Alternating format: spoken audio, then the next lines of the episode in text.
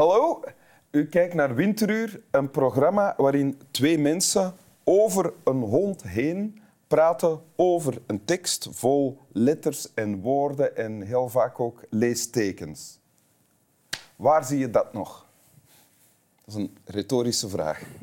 Welkom in Winteruur, Inne van Wijmersch. Perfect, dank je. Mama van vier kinderen, auteur van het boek uh, Als je wieg op drijfstand staat.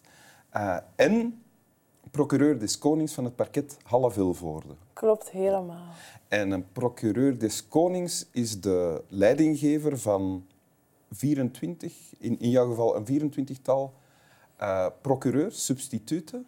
Klopt. En jullie taak is, je moet maar aanvullen of corrigeren als het niet klopt, jullie taak is om te beginnen beslissen wat gaan we vervolgen en wat niet. En dan als je beslist om iets te vervolgen, dat de aan waarheidsvinding doen. Mm -hmm. Dus zo goed mogelijk proberen te onderzoeken wat is er gebeurd, ja. wat is er niet gebeurd.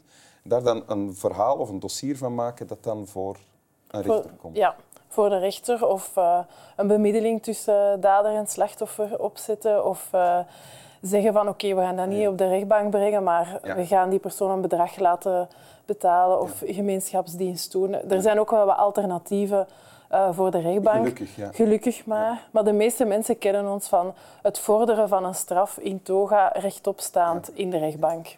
En voor je procureur des Konings was, uh, was je zelf substituut en dan was je vooral werkzaam bij uh, jeugd- en zedendelicten. Klopt? Jeugdzaken, zedenzaken, verdwijningszaken op het parket van Brussel. Ja. En daar was ik ook een aantal jaren, vele jaren, woordvoerder van het ja. parket. Ja. Omdat je perfect tweetalig bent. Uh, onder andere. Geworden misschien. Dan, ja, ook wel een, beetje, ja. wel een beetje geworden. En, en ja, omdat ik het ook wel heel graag deed. Uh, in, in mensentaal uitleggen hetgeen er zich in die juridische wereld ja. afspeelde. Uh, en zo, zo juist en correct mogelijk informeren. Ja. In een kluwe vaak. Um, maar dat, ja, daar vond ik wel een uitdaging in. Oké. Okay. Wil je de tekst voorlezen die je hebt meegebracht? Ja, graag. De gedachte die ik tijdens al die jaren van pedofilieonderzoeken het meest heb moeten bijsturen, is dat ieder slachtoffer zijn of haar dader hardgrondig haat. Zo was er een meisje dat aan een collega opbiechtte dat ze gezellig bij haar papa in de zetel kroop, telkens wanneer haar moeder zondagmiddag bij haar oma op bezoek ging. Haar papa knuffelde en streelde haar dan. Dat vond ze heel fijn. Juist de laatste vijf minuten, wanneer hij me tussen mijn benen streelt, dat zou moeten stoppen, zei ze. Maar ik zou wel nog graag hebben dat ik zondags bij hem in de zetel kan blijven knuffelen. Deze en andere verhalen van slachtoffers hebben mijn kijk op seksueel misbruik over het algemeen en seksueel kindermisbruik in het bijzonder verbreed. Het fenomeen is enorm complex en wordt te vaak eenzijdig bekeken. En degene die hier aan het woord is in het fragment dat je hebt voorgelezen is Peter de Walen. Ja, Peter de Walen is heel lang uh, onderzoeker in zedenzaken geweest en later ook woordvoerder geworden van de federale politie. En ja, we kenden elkaar uh, heel even van in de zedenfase uh, ja. bij hem, maar daarna vooral ook als woordvoerder. Ah, ja, ja. En hij heeft dit boekje geschreven, Kan je een geheim bewaren, ja? is de titel. Um, en ik vind dat eigenlijk heel... De ondertitel is 15 jaar ervaring als pedofilie-speurder. Ja, ja, klopt. En um, ja, ik vind dat eigenlijk heel bevattelijk uitgelegd waar misbruik eigenlijk over gaat en wat het er allemaal speelt. En dat toch eigenlijk niks is wat het lijkt, want we hebben zo... Of niks is zo simpel als het lijkt. Ja, ja. ja. We hebben ook zo'n beeld van de verkrachter, de pedofiel, de uh, vieze man die in een wit camionetje zit en kinderen uh, meelokt. Tegenover dat eigenlijk heel veel daders van seksueel misbruik bekenden zijn mm -hmm. van, het, van het slachtoffer. En, ja. en in het fragment dat je net hebt voorgelezen, zegt Peter de Walen dat, het, dat hij zich moest aanpassen aan het idee de slachtoffers haten, de heel vaak haten zij de daders niet.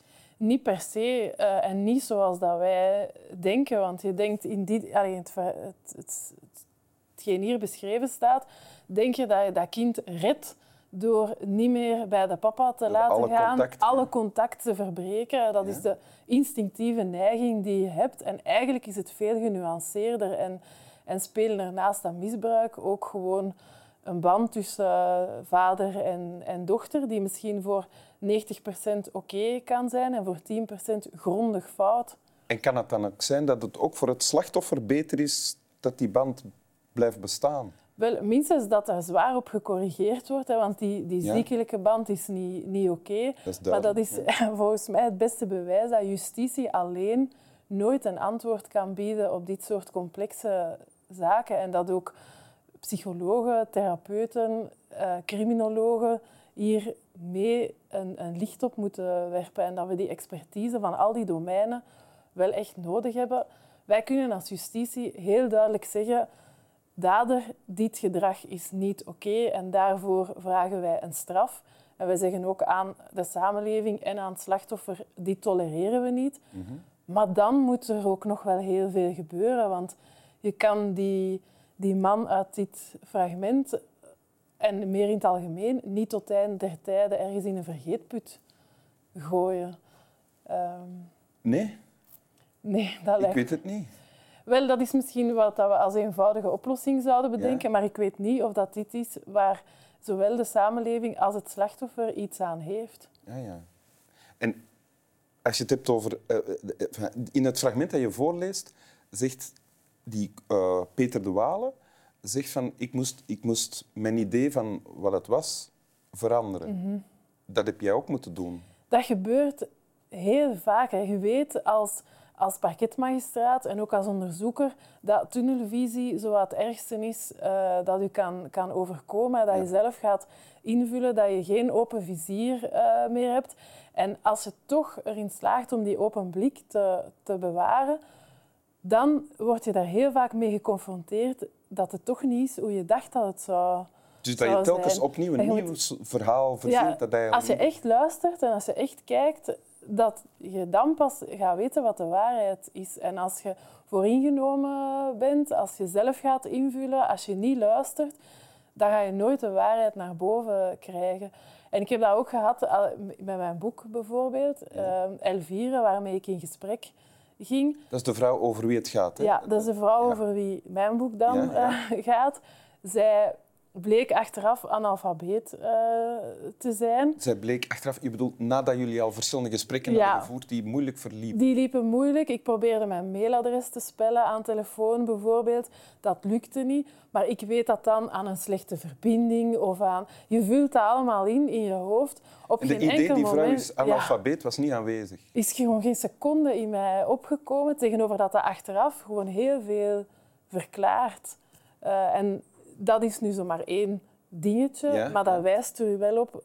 Eh, God weet hoeveel keer heb je nog die fout gemaakt en heb je nog dingen ingevuld. Eh, en daar, allee, daarom is het goed, vind ik het ook goed dat we als parket niet per se alleen werken, maar dat je met verschillende mensen eh, naar een dossier kunt kijken. Omdat die een ander perspectief bieden? Ja, en omdat je elkaar wel wat scherp houdt dan. Ah, ja.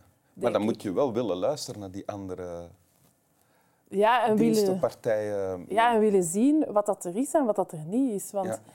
het, wat je niet mag doen, is die bewijselementen opzij leggen die niet in je theorie, eh, die je theorie niet Heb je ooit de neiging gevoeld om dat toch te doen? Soms moet je daar echt tegen vechten, in je hoofd dan vooral, omdat het zo mooi zou zijn dat het is hoe dat jij... Hè, dan, dan zit je de held van, van het verhaal, Ja, als alles ja. mooi in elkaar past. Maar vaak is het zoeken, ploeteren... Allee, maar geeft het wel eens zoveel voldoening als je aan het eind weet van oké, nu hebben we de echte waarheid naar boven Ja. gebracht. Oké. Maar ja, het is soms, ja dat, is, dat is heel erg menselijk, denk ik. Hè. Dat denk ik ook, ja. En dus gelukkig maar, want dat is het bewijs dat justitie ook gewoon uit mensen eh, bestaat. Dus, Goed dat we ons nog eens daaraan Ja, dat we dat vandaag toch weer weten. Wil je de tekst nog eens voorlezen? Ja.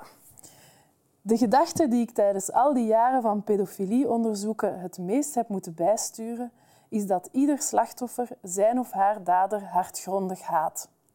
Zo was er een meisje dat aan een collega opbiechtte dat ze gezellig bij haar papa in de zetel kroop, telkens wanneer haar moeder zondagmiddag bij haar oma op bezoek ging. Haar papa knuffelde en streelde haar dan. Dat vond ze heel fijn. Juist de laatste vijf minuten, wanneer hij me tussen mijn benen streelt, Dat zou moeten stoppen, zei ze. Maar ik zou wel nog graag hebben dat ik zondags bij hem in de zetel kan blijven knuffelen. Deze en andere verhalen van slachtoffers hebben mijn kijk op seksueel misbruik over het algemeen en seksueel kindermisbruik in het bijzonder verbreed. Het fenomeen is enorm complex en wordt te vaak eenzijdig bekeken. Dank u. Alsjeblieft. Slap wel.